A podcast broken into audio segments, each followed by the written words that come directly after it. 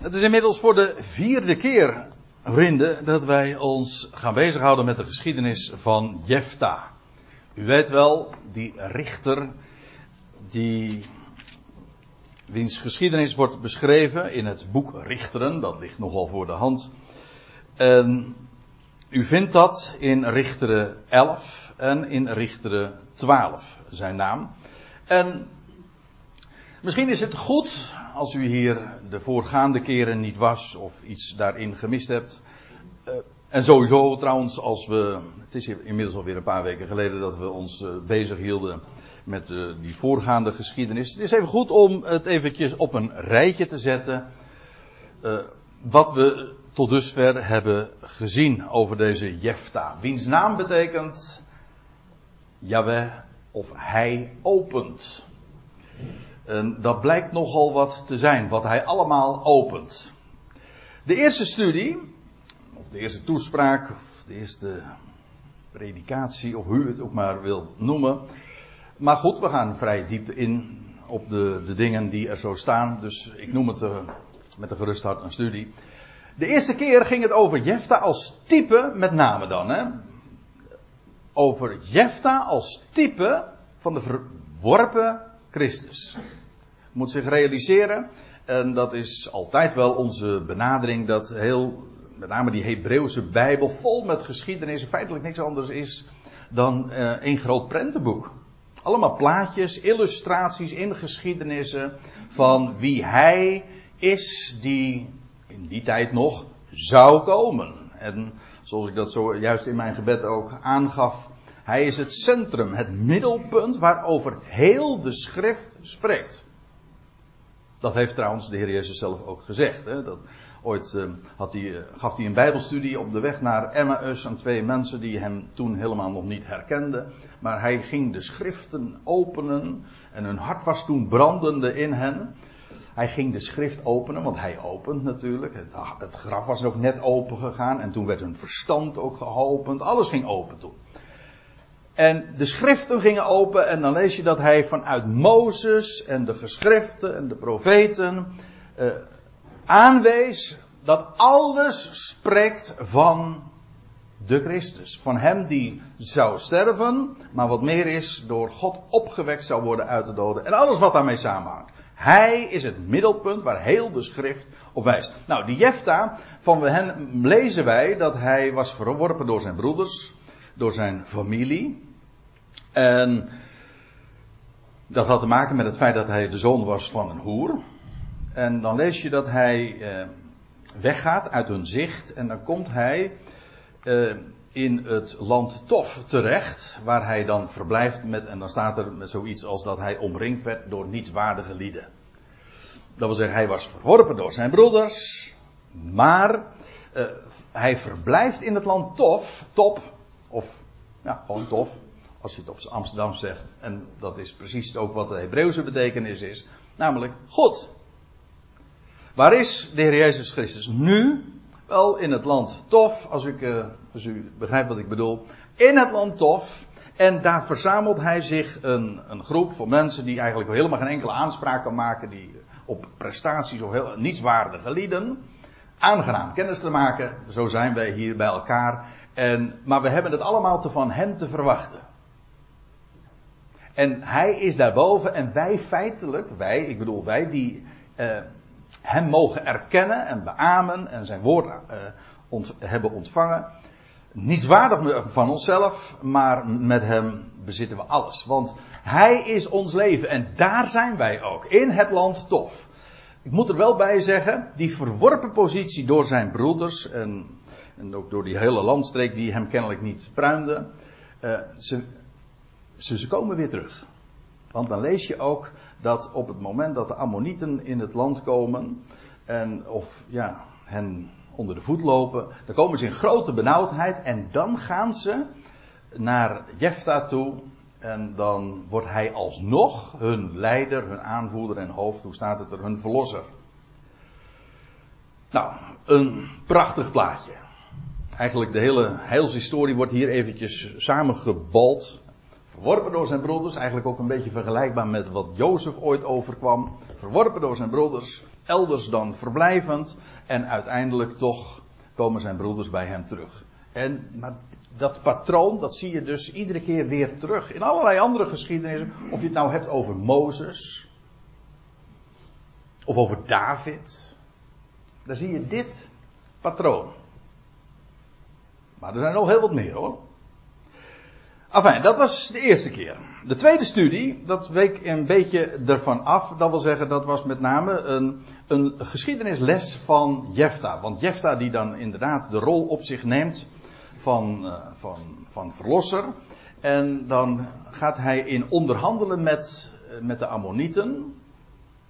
En dan geeft hij eigenlijk, en dat is het einde van nou, het, het hoofd, de hoofdmoot eigenlijk van Richter 11, vanaf vers 12 tot en met vers 29, geeft Jefta geschiedenisles. Hoe het gegaan is vanaf de intocht in het land en al die 300 jaren die inmiddels al gepasseerd waren, tot dan toe.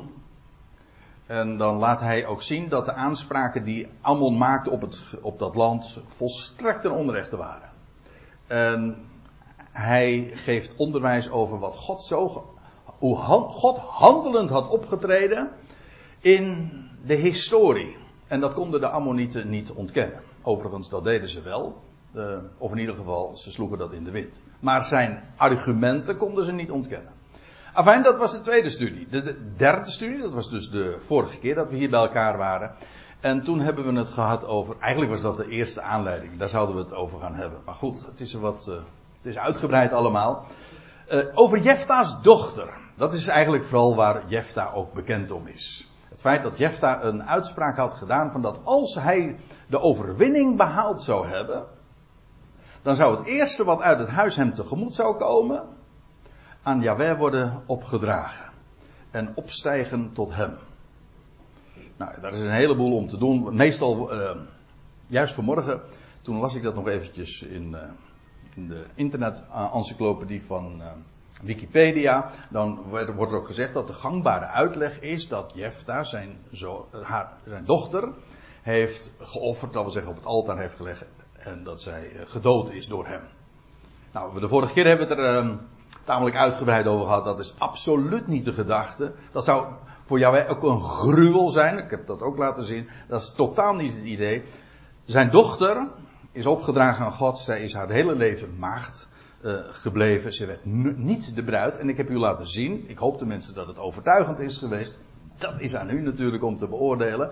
Maar dat zij een type is van, van de gemeente in onze dagen. Eigenlijk een. Uh, maar dan vanuit een andere invalshoek. Uh, die nietswaardige lieden. Die zijn ook een type van die Ecclesia vandaag. En dit is weer vanuit een ander venster bekeken. Vanuit een andere invalshoek. Uh, het eerste, laat ik het anders zeggen. Het eerste die, of de eersten die Jefta's overwinning vieren, die, is, die zijn bestemd voor Jawel. Hebben de hoogste positie ook. Zoals dat in de Bijbel in het algemeen zo is. Dat geldt voor eerstelingen, voor de eerstgeborenen. Dat is voor hem. Krijgt de hoogste plaats. Wel, dat is feitelijk wat de Ecclesia, de gemeente in onze dagen is. Dat zijn, de, dat zijn degenen die hem tegemoet gaan. Uh, ook behorend aan uh, bij zijn huis. En wij mogen hem kennen. Nou, daar zit, daar zit nog veel meer aan vast. We hebben het gehad over die twee maanden die zij nog uh, krijgt om haar maagdom te bewenen, zoals dat dan heet. Afijn, daar hebben we het ook uitgebreid over gehad. Maar de, de clue was toch vooral dat Jefta's dochter een type is van de Ecclesia. En Ecclesia, ik gebruik meestal dat woord even voor de goede orde. Ecclesia betekent eigenlijk uitroepsel. Ek, uit. Ecclesia heeft te maken met roepen. Een uitroepsel. Wat God vandaag zich uitroept. Een volk. Maar de hoogste bestemming. Nou, en dat betekent dat we nu in Richteren 12 arriveren. En dat is dus de, het laatste deel van de geschiedenis van Jefta. Vandaag uh, gaan wij dus ook een, een slot breien aan, uh, aan, de, aan de geschiedenis. En ook van de spreekbeurten dus over, over Jefta. En nog een hele eigenaardige geschiedenis. Ik heb het maar als titels meegegeven. Dat van de Shibboleth. Eigenlijk is die ook wel. Nou ja, de, misschien de geschiedenis niet eens zo bekend. Maar in de, zelfs in de wereld. Kijk maar eens in, gewoon in de woordenboek en hoe dat gebruikt wordt. Het woord Shibboleth. Dat is een algemene term geworden. Die een veel bredere, wijdere betekenis heeft gekregen. Dan alleen maar refererend aan die geschiedenis waar we het vanmorgen over hebben. Iets wat een shibboleth is, dat wil zeggen dat is een. Een. Uh, ja, zeg het nou eens goed. Een. Nee, nee, nee, nee, nee, is geen mengsel. Nee, dat is een, uh, een, een lakmoesproef, weet je wel, van. Uh, als, dat, dat is een, schei, een punt wat.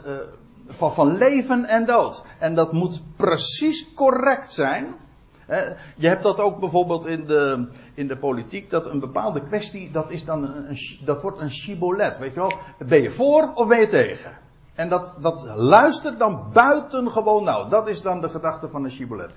Ik had eigenlijk eventjes in, de, in het woordenboek moeten kijken wat de precieze definitie van het woord is. Maar goed, zo, zo, zo gebruiken we dat dan.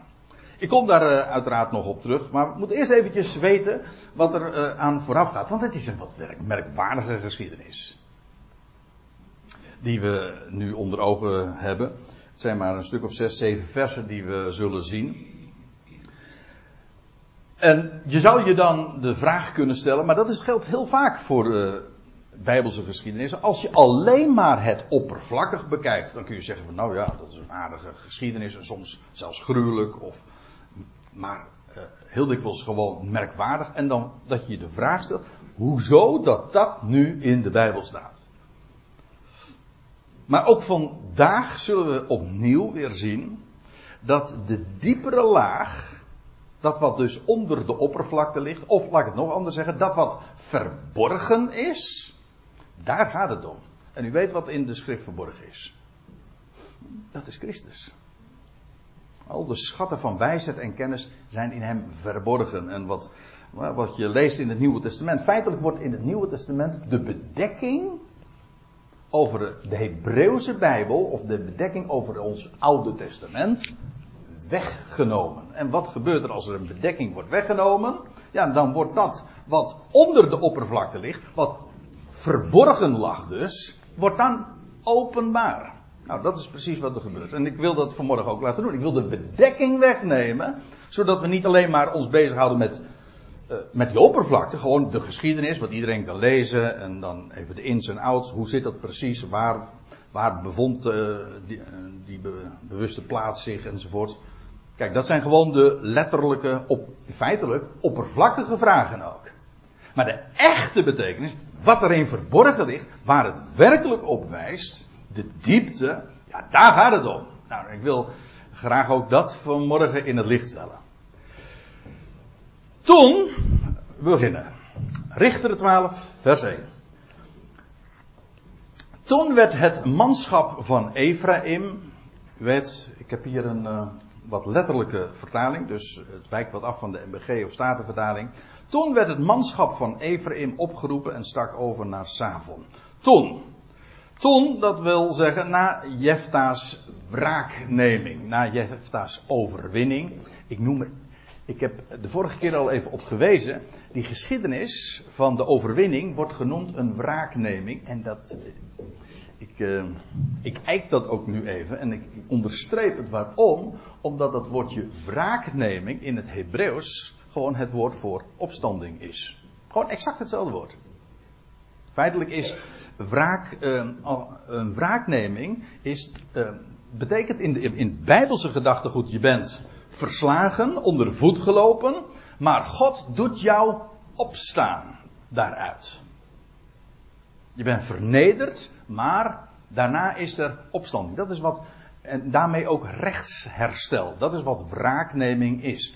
Mooi eh, dat het dus letterlijk de opstanding is, Jef, na Jefta's opstanding over zijn vijanden. En ik heb de, we hebben het de vorige keer ook over gehad. Feitelijk, eh, ja, waar spreekt dat van? Uiteraard van het feit dat Jefta heeft overwonnen. Over de vijand. Hij is opgestaan uit de doden.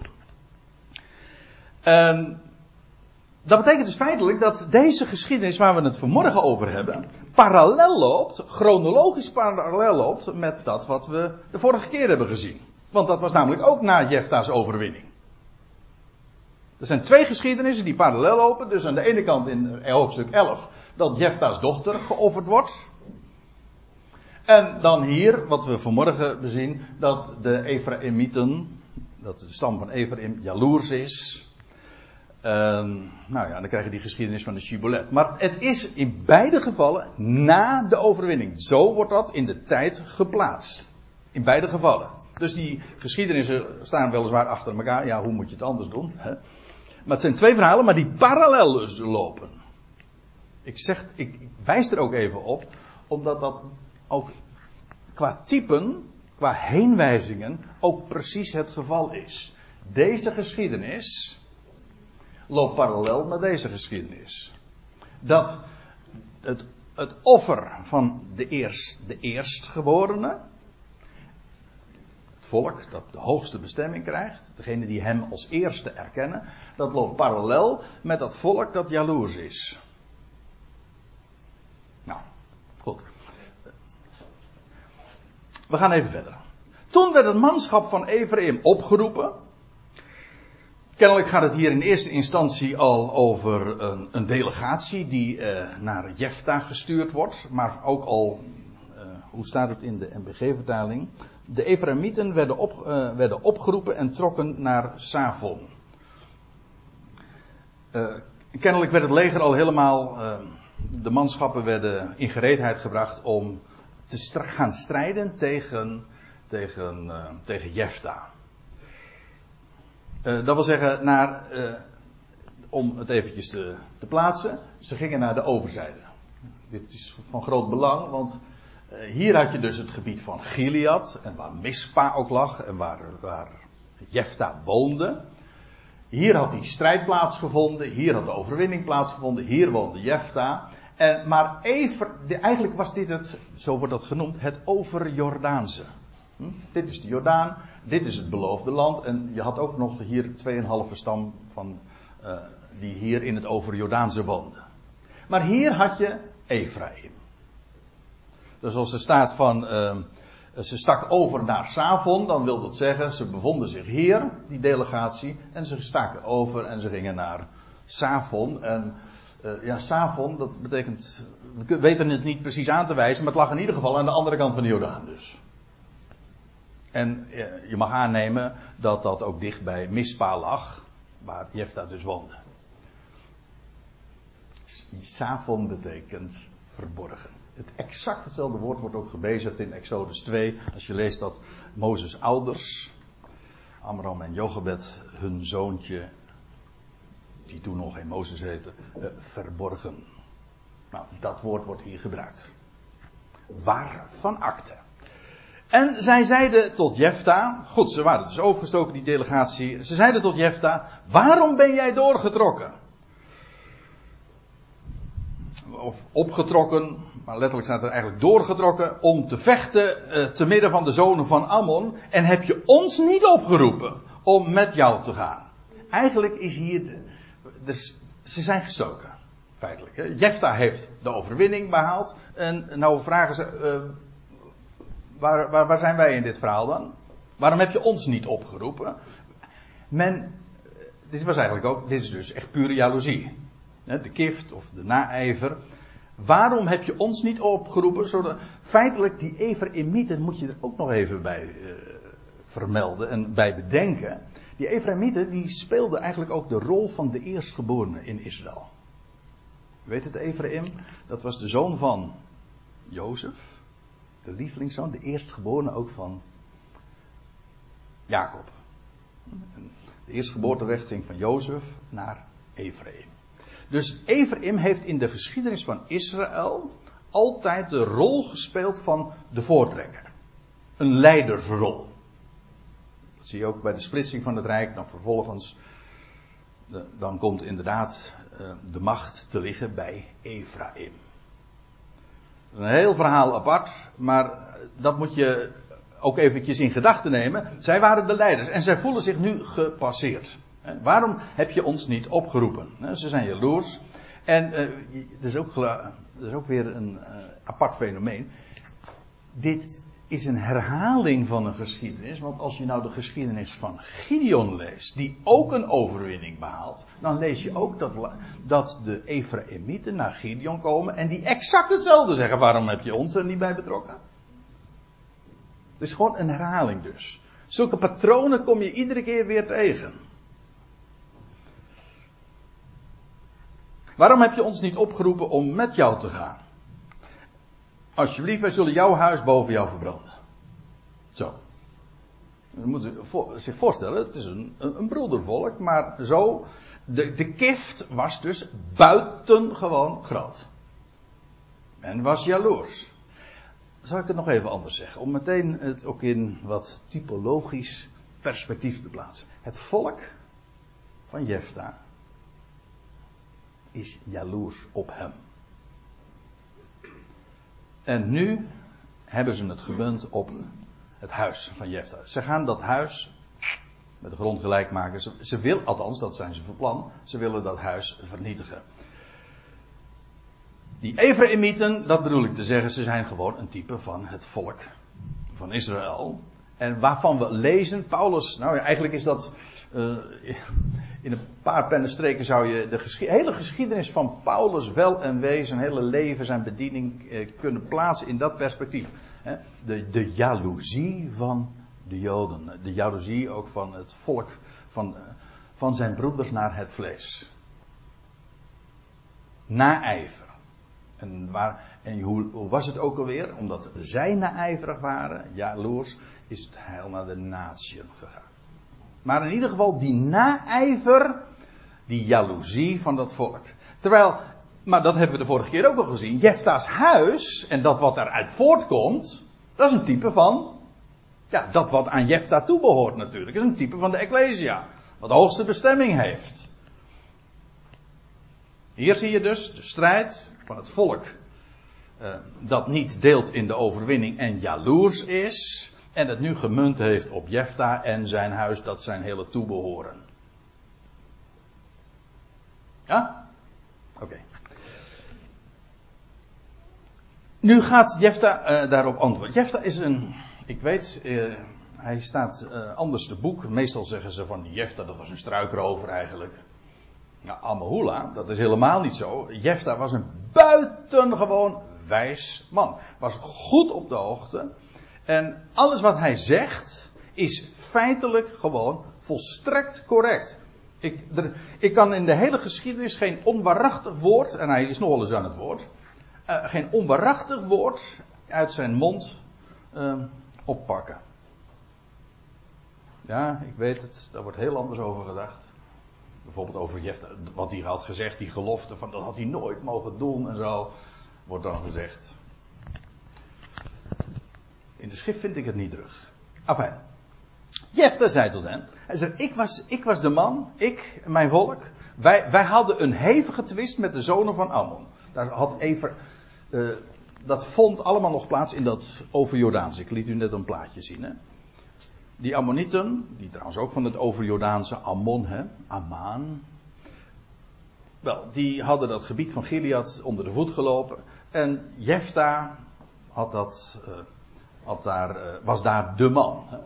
Ik was de man. En ik en mijn volk hadden een hevige twist met de zonen van Ammon. En we vinden dat niet in de geschiedenis van uh, Richter 11 terug. Maar Jefta zegt. Um, het, en als een aanvulling op de geschiedenis van de voorgaande hoofdstuk. Hij zegt: Ik schreeuwde naar jullie. Zo staat het letterlijk. Um, ik riep, zet de MBG vertaald. Ik riep, maar letterlijk ik schreeuwde naar jullie.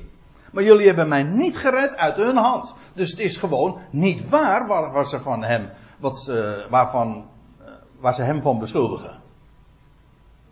Hij zegt, ik, hij zegt, toen de nood aan de man kwam, toen heb ik geroepen.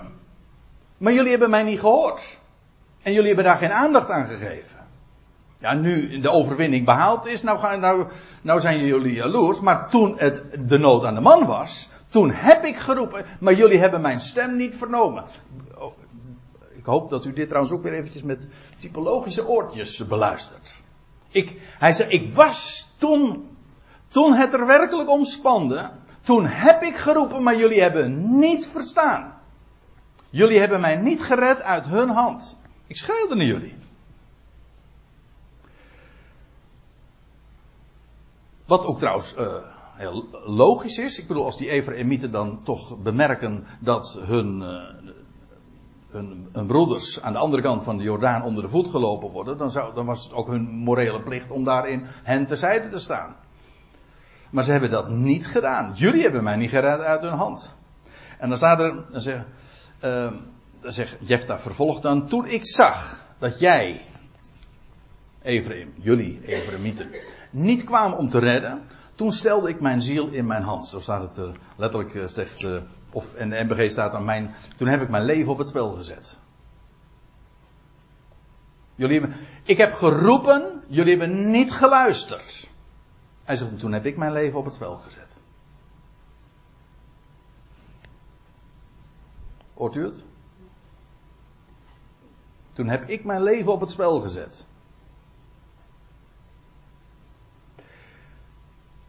Natuurlijk, van Jefta kun je zeggen van ja, maar hij is niet gestorven. Nee, maar hij is wel opgestaan. Oké, goed. Toen stelde ik mijn leven, in, mijn ziel in mijn hand. Zo staat het er, dat is een typische manier van zeggen dan in het Hebreeuws. Uh, ik heb mijn leven op het spel gezet, dat is het idee. Hij zegt, ik ben doorgetrokken tot de zonen van Ammon. Dat wil zeggen, ik moet zelf doen. Als jullie, hebben, jullie zijn niet gekomen.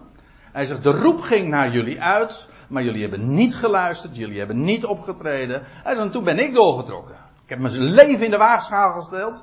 En ben ik doorgetrokken tot de zonen van Ammon. En Yahweh heeft hen in mijn hand gegeven. En waarom zijn jullie deze dag nou tot mij opgegaan? Trouwens, dat, is leuk. Er staat opgegaan. Vlak voordat ik hier naartoe ging, uh, viel ik daar nog even over. Dat betekent dus, ik, ik zei u de vorige keer toch, dat Mispa, dat, is een, betekent letterlijk waar die uh, Jefta woonde, dat was een uitkijktoren. Uh, dat betekent het eigenlijk ook. En het was een hooggelegen plaats. Dus ze zijn gewoon naar hem opgegaan. Dus op een hoger gelegen plek.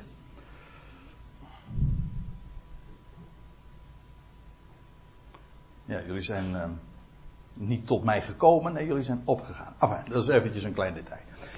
Hij zegt, Jaweh heeft hen in mijn hand gegeven. Hij geeft dus alle credits aan God. Hij zegt dat, dat ik overwonnen heb, dat ik ben opgestaan tegenover mijn vijanden, dat is allemaal aan Yahweh te danken. En hij heeft hen in mijn hand gegeven.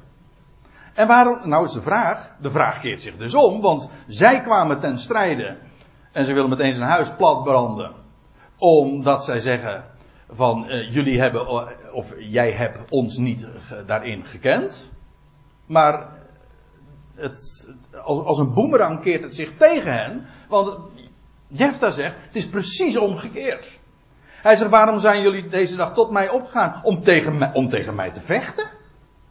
Jullie, jullie hebben notabene van mijn overwinning geprofiteerd. Want ja, stel je voor dat die in de, de Ammonieten uh, inderdaad niet verslagen zouden zijn.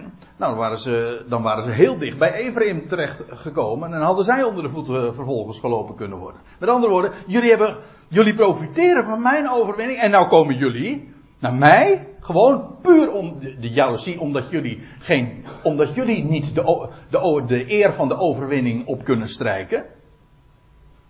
Komen jullie naar mij toe.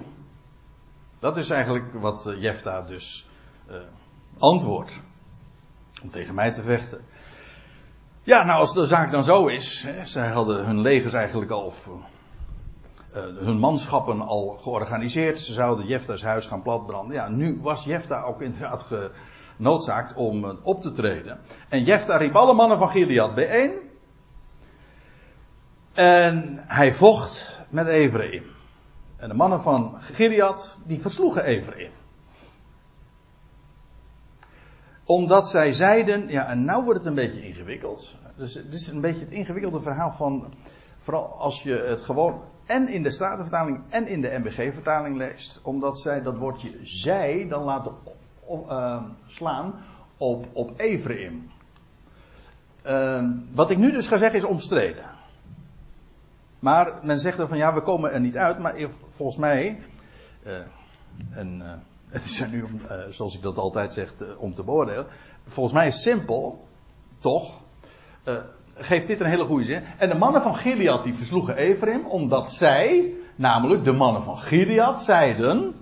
Niet e- de mannen van Ephraim, nee, omdat zij zeiden: Jullie zijn weggelopen van Ephraim. Ik begrijp waarom men het uh, anders dan opvat. Maar kijk, jullie zijn weggelopenen van Ephraim, die jullie, namelijk jullie van Ephraim. Jullie zijn weggelopen. Hoezo? Nou, zojuist had Jefta gezegd van, ik heb geroepen, maar waar waren jullie? Jullie hebben je ontrokken, jullie zijn gewoon weggegaan. Of in ieder geval weggelopen daarvan. Dus het verwijt wat hier gemaakt wordt, is dat van de mannen van Gilead, die, die, die strijden tegen Ephraim met als motief, jullie zijn weggelopen. Jullie, namelijk jullie van Ephraim. Jullie zijn weggelopen. En dan staat er als verklaring nog bij, Gilead, dat ligt midden tussen Ephraim en Manasse. Ja. Gilead behoorde trouwens ook bij de stam van Manasse. Ja, misschien. Ik kan me voorstellen dat als u niet zo heel erg op de hoogte bent van bijbelse geschiedenissen, dat het je een klein beetje gaat duizelen. En dan excuseer ik mij bij deze. Maar kijk, ik, zei, ik vertelde dus, je had Jozef, dat was Jacobs eerstgeborene. Dat was een van zijn jongste. Dat is een leuke in de bijbelse geschiedenis. Uh, de eerstgeboren, wij denken de eerstgeboren, oh dat is degene die eerstgeboren is. Nou, meestal niet hoor. Kijk het maar na in het boek Genesis. De, eerste, de, de eerstgeborene, dat is echt een positie, een eerstgeboorte recht. Dat gaat altijd naar de jongste. Nou ja, in ieder geval, die, die uh, Jozef was de eerstgeborene van uh, zoon van, van Jacob. En, uh, en Jacob, die Jozef kreeg weer twee, twee kinderen. Manasse, dat was de eerste. En Ephraim. En u weet, dan lees je aan het, op, op, op Jozefs sterfbed, dan uh, moet hij de zegen gaan geven. En dan zou hij de eerstgeboortezegen geven aan Manasse, want dat was de eerstgeborene. Maar wat doet hij? Hij kruist zijn armen, staat erbij, en hij legt.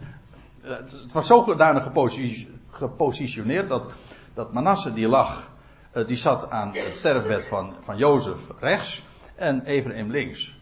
Dus je, nou ja, kon ja, uh, Jozef zo zijn rechterhand leggen op, op Manasse. Maar hij doet het niet. Hij, hij, gaat er, hij kruist zijn armen en doet het. Hij geeft het eerstgeboortezegen niet aan de eerstgeborene, maar aan de tweede. Aan Ephraim. Dus, maar Ephraim en Manasse zijn dus feitelijk allebei van de stam van Jozef. Ja.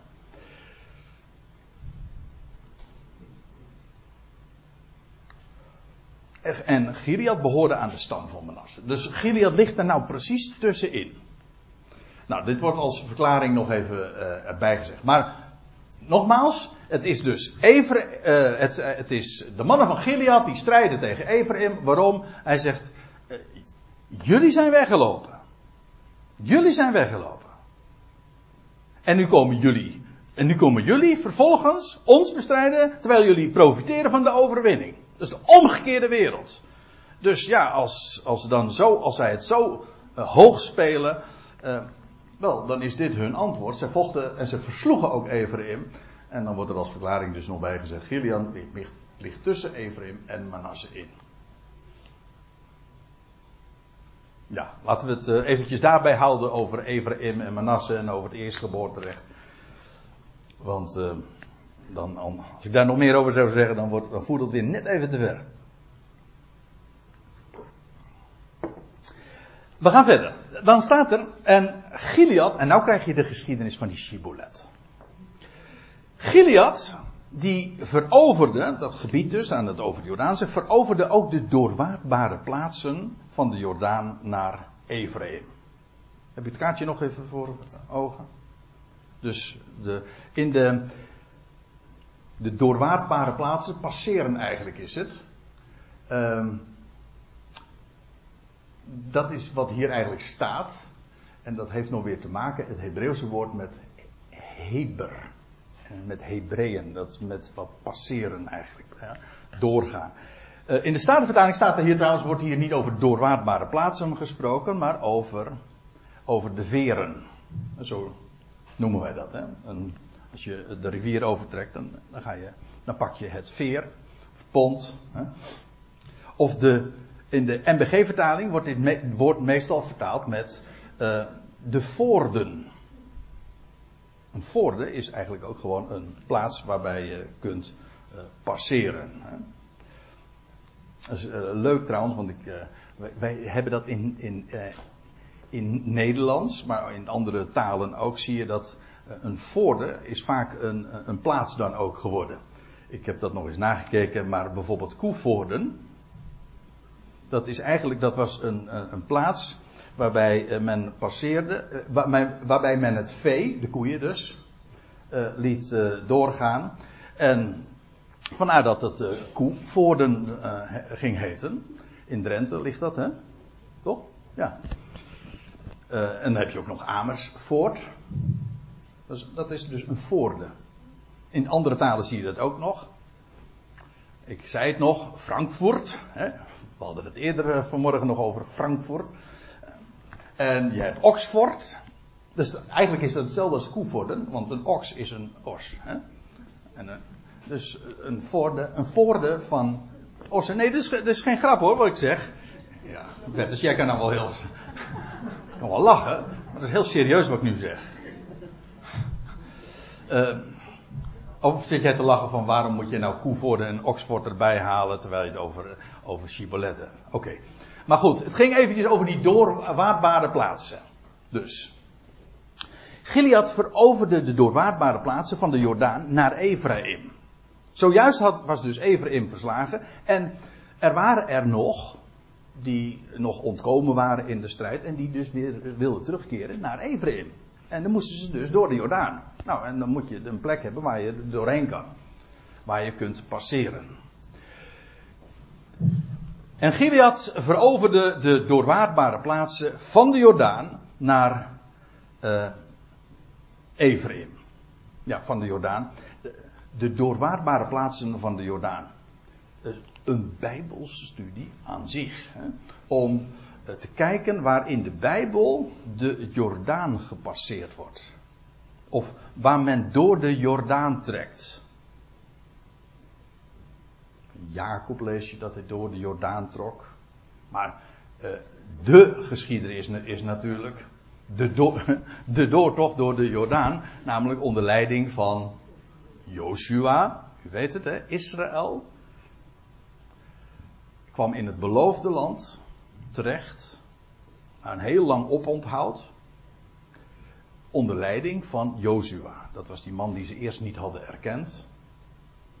Waardoor ze nog 40 jaar in de, in de woestijn moesten uh, bivakeren. En vervolgens gaat onder leiding van Jozua keert, uh, is, uh, gaat Israël inderdaad, trekt het beloofde land binnen. En dan gaan ze door de Jordaan. En dan moeten ze de ark navolgen.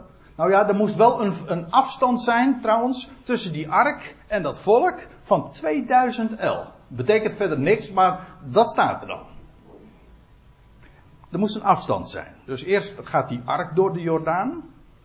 En Israël volgt wel, maar op een afstand.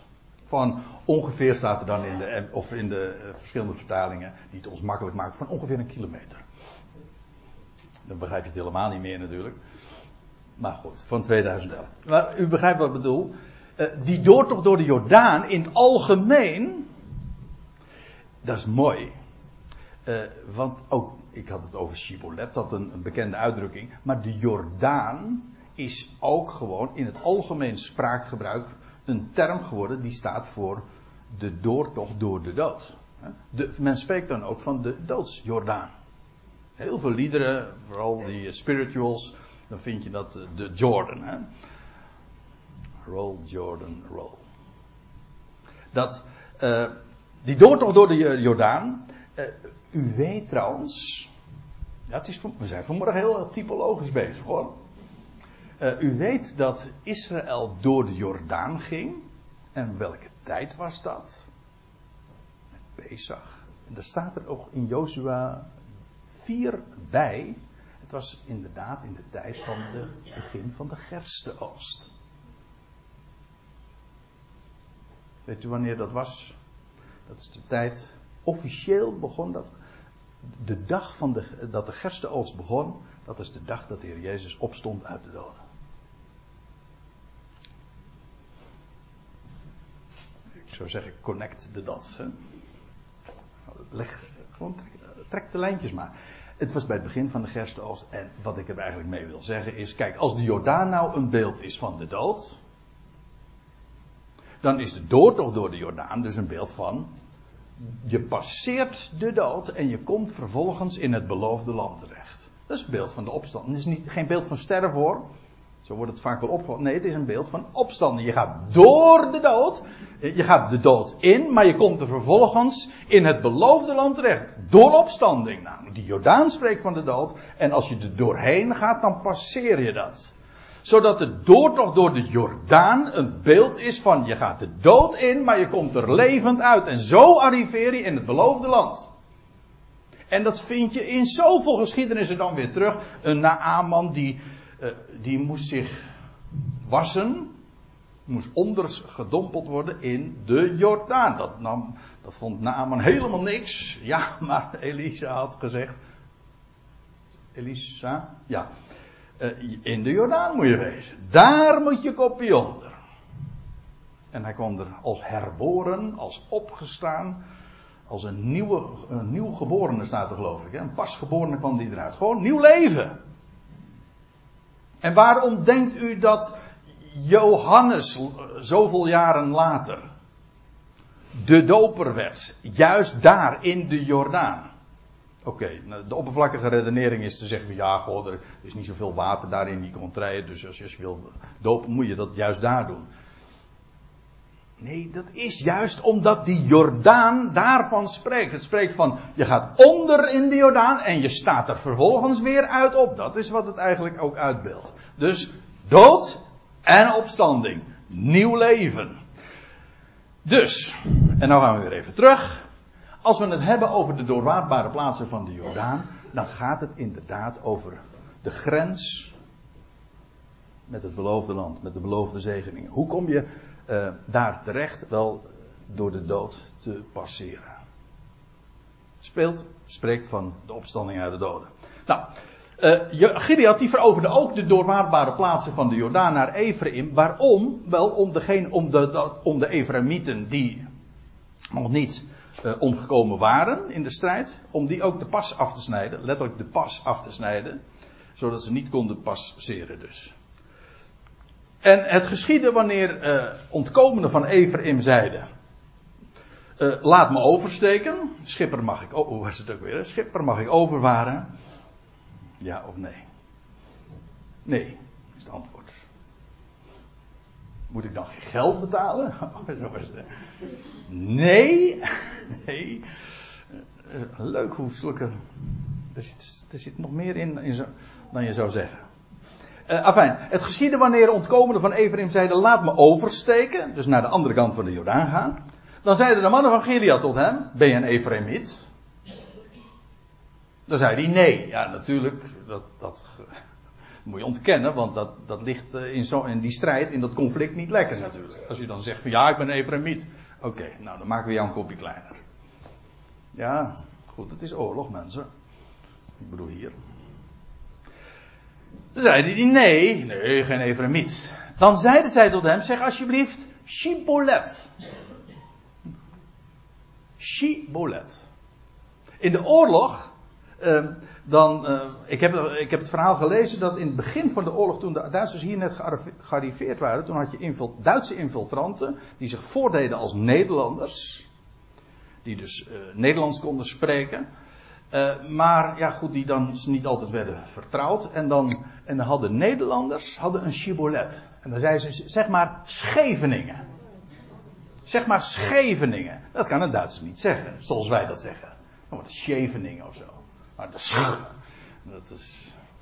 Ik geef, ik geef uh, Nederlandse lessen aan Polen. Nou proberen ze dat. Maar ze, ze, kunnen, ze kunnen 25 medeklinkers naar elkaar, achter elkaar zeggen. Maar Scheveningen, dat, dat lukte niet. Of school. Geschrift. Uh, dat, geschoor, hè?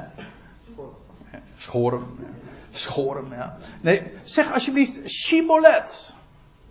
Shibolet. Met een, met die H dus, of eigenlijk een, een, een J. Shin. Begin, in het Hebreeuwse letter is, begint met de, is eigenlijk de, de Shin, de ene laatste letter. Zeg alsjeblieft Shibolet. Nou, moet u even dit weten.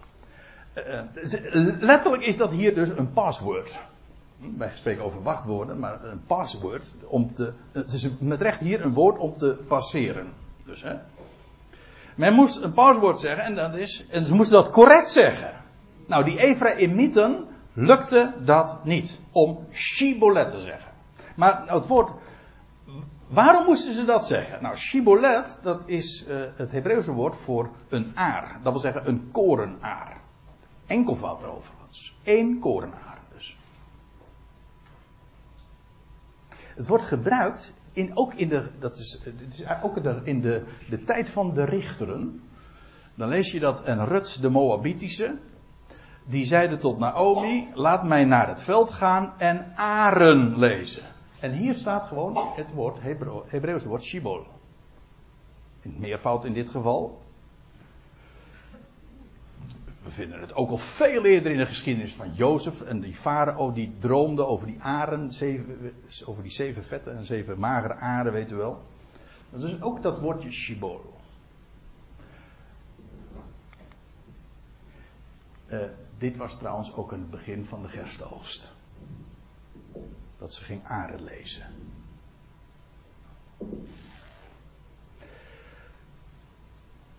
Een korenaar. Enkel, shibolet. Eén korenaar. Dat moesten ze zeggen. In, in, in de Bijbel, in het, algemeen, je leest bij het begin van de gerstoogst, wil ik nog even bij bij het begin van de gerstoogst, dat werd gevierd. Dat is een speciale dag, dat is de dag van de eerstlingsschoof. En ik zei al, dat was de dag dat later de heer Jezus opstond uit de dood. Op die dag. Dus dan werd, werd, uh, werden vele korenaren van gerst werden binnengehaald. Maar de eerste, de eerste schoof, die werd aan de Heer aangeboden.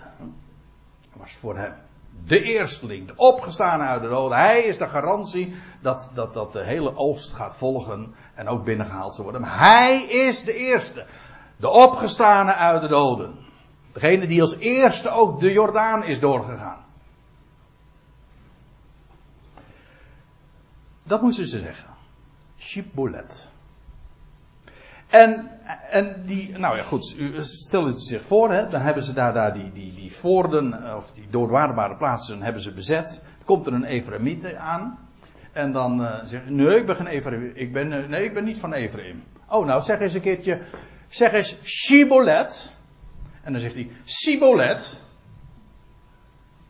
Nou, ja, uh, ja, ik, ik moet nou eens lachen, want ik, thuis word ik er nog eens op aangesproken, notabene als taaldocent, uh, dat ik niet goed het verschil tussen de Z en de S kan uitspreken. Ik word er nog eens op aangesproken, jij zegt dat niet goed.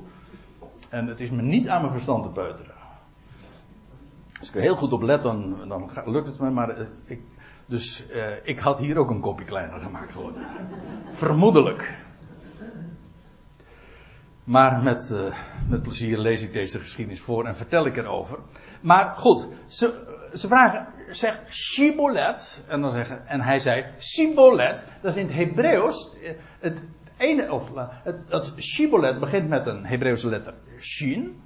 En Sibolet, dat begint met een Samech. Een andere letter. Betekent trouwens slang. Eigenlijk, eh, als het als icoon opvat. Hè, dan is het gewoon een, een pictogrammetje, dan is het gewoon een slang, samech. Maar in ieder geval, ja, het is bijna hetzelfde. Allebei die, die, die S-klank. Maar net dat subtiele verschil van shi en s. S, die S. Een slang. Maar goed. hij zei, en dan zei hij, Sibolet. Nou moet u nog iets weten, dat woord komen we nog één keer tegen in de Bijbel. Dit woord, Sibolet, gewoon met de Samech. In deze, gewoon precies dit woord. Dat betekent namelijk last.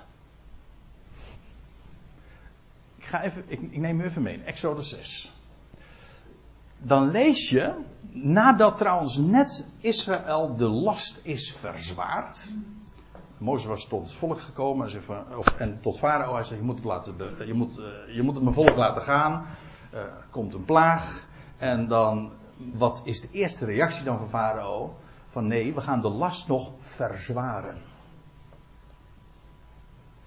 En uh, eerst moesten ze alleen maar, nou alleen maar, eerst moesten ze tichelstenen maken, maar nu moesten ze ook het stro gaan verzamelen. Hm?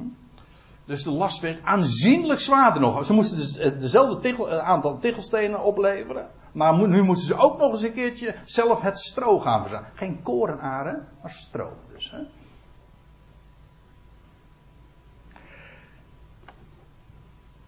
Zeg derhalve tot de Israëlieten, ik ben Jaweh.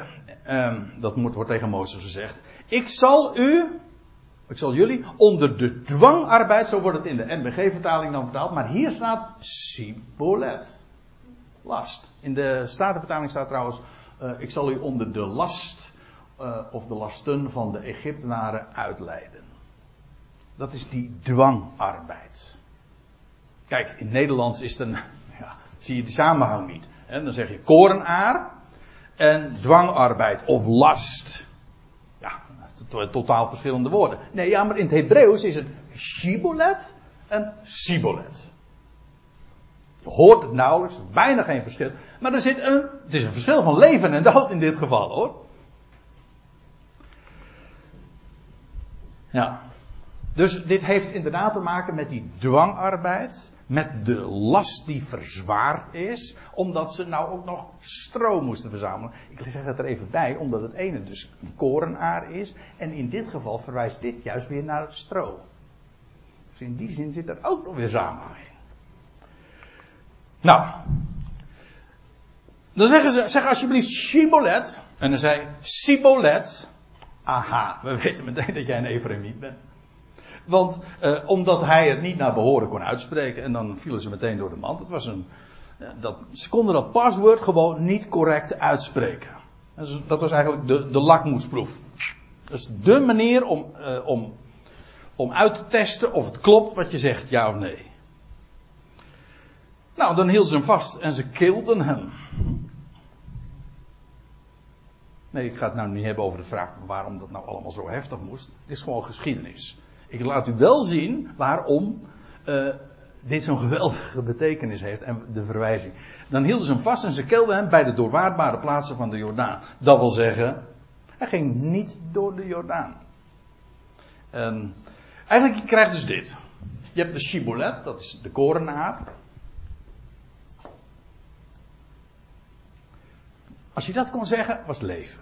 Zelfs al was je een Efremiet en het lukte jou om shibolet te zeggen, nou, dan.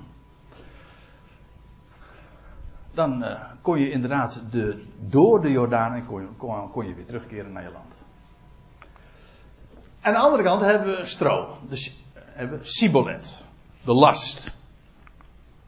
De korenaar, nou, dat lijkt mij toch inmiddels duidelijk. De korenaar spreekt van die ene, de eersteling, enkelva, de Christus. De, de tarwekorrel die in de aarde gevallen is en stierf en zoveel vrucht uh, voortbrengt.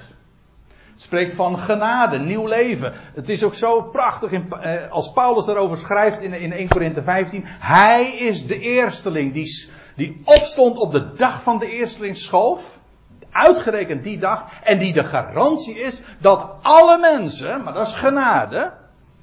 Dat nieuwe leven gaan, uh, zullen beërven en zullen ontvangen. Oké, ieder in zijn eigen rangorde, maar dat is het evangelie. Heel de mensheid omvattend. Dat is wat die korenaar doet.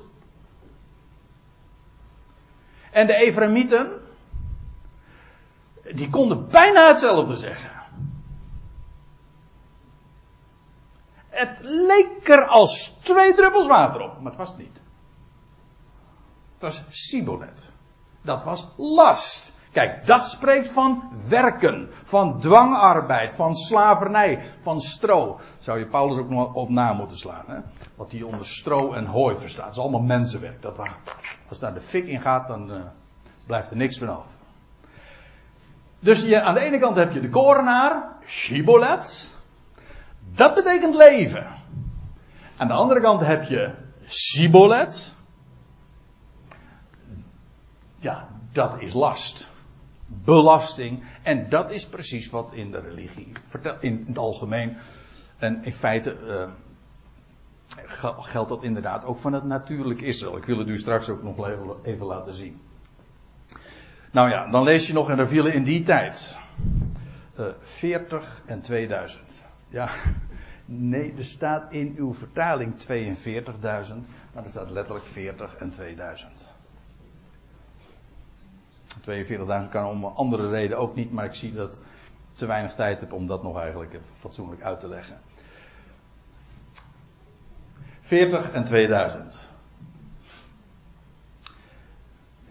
Oftewel, ja, ja en waarom nou die? Ja, 40 heeft alles ook weer te maken met het eerst, die, dat geslacht van het jaar 30 tot 70. Waarin Israël dus nee zei tegen de Messias. En die 2000, maar daar hadden we het al eerder over natuurlijk. Die spreken van de twee millennia. Het, die tijd die er ligt tussen de eerste en de tweede komst. Ik geef het allemaal even ter overweging mee. Ik laat u gewoon lijnen zien en waar kom je dat nog meer tegen? Nou, hier bijvoorbeeld. Nou, en dan lees je nog in vers 7. En Jefta richtte Israël, dat is het laatste wat van Jefta vermeld wordt. En Jefta richtte Israël zes jaren. En de Gileadit, Gileadit Jefta, getuigenis. Hij stierf en hij werd begraven daar in de steden van Gilead. Dat is het laatste wat van hem wordt vermeld. Nou, wat ik u vanmorgen heb willen vertellen is. Kijk, Ephraim hier in deze geschiedenis is een type van Israël hè, naar het vlees. Hoezo? Ik zal er nog eventjes kort op een rijtje zetten. Heeft niet geluisterd naar Jefta's roep. Toen Christus hier op aarde was, hebben ze zijn stem niet vernomen, hem niet gehoord. Ze zijn jaloers omdat ze niet delen in Jefta's overwinning. De kift. Dat, dat, in Paulus' bediening lees je iedere keer het, dat ze jaloers werden vanwege de, de boodschap die nu eh, hun, hun boodschap kwam nu onder de natieën terecht. En het was allemaal om niet, terwijl ze niet eens, terwijl die mensen uit de natie niet eens de wet hoefden te doen. Dat gaf zoveel venijn en, en verzet. Jaloezie. Maar ze kunnen niet terugkeren naar het beloofde land. Dus ook het volk van Israël beërft niet het beloofde land. Dat wil zeggen, in deze tijd niet. Omdat, waarom niet? Ze kunnen geen shibolet zeggen.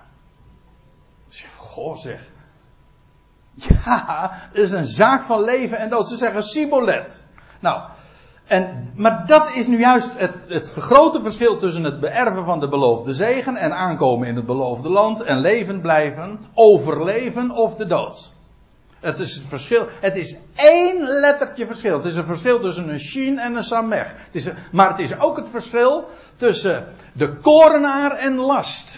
Nou, nou wil ik afsluiten met Romeinen 9. Dan lees je dat Paulus, die hoofdstukken weet je wel, dat hij ook uiteenzet dat, dat, dat, uh, door hun, dat je Israël uh, naijverig is, jaloers enzovoorts.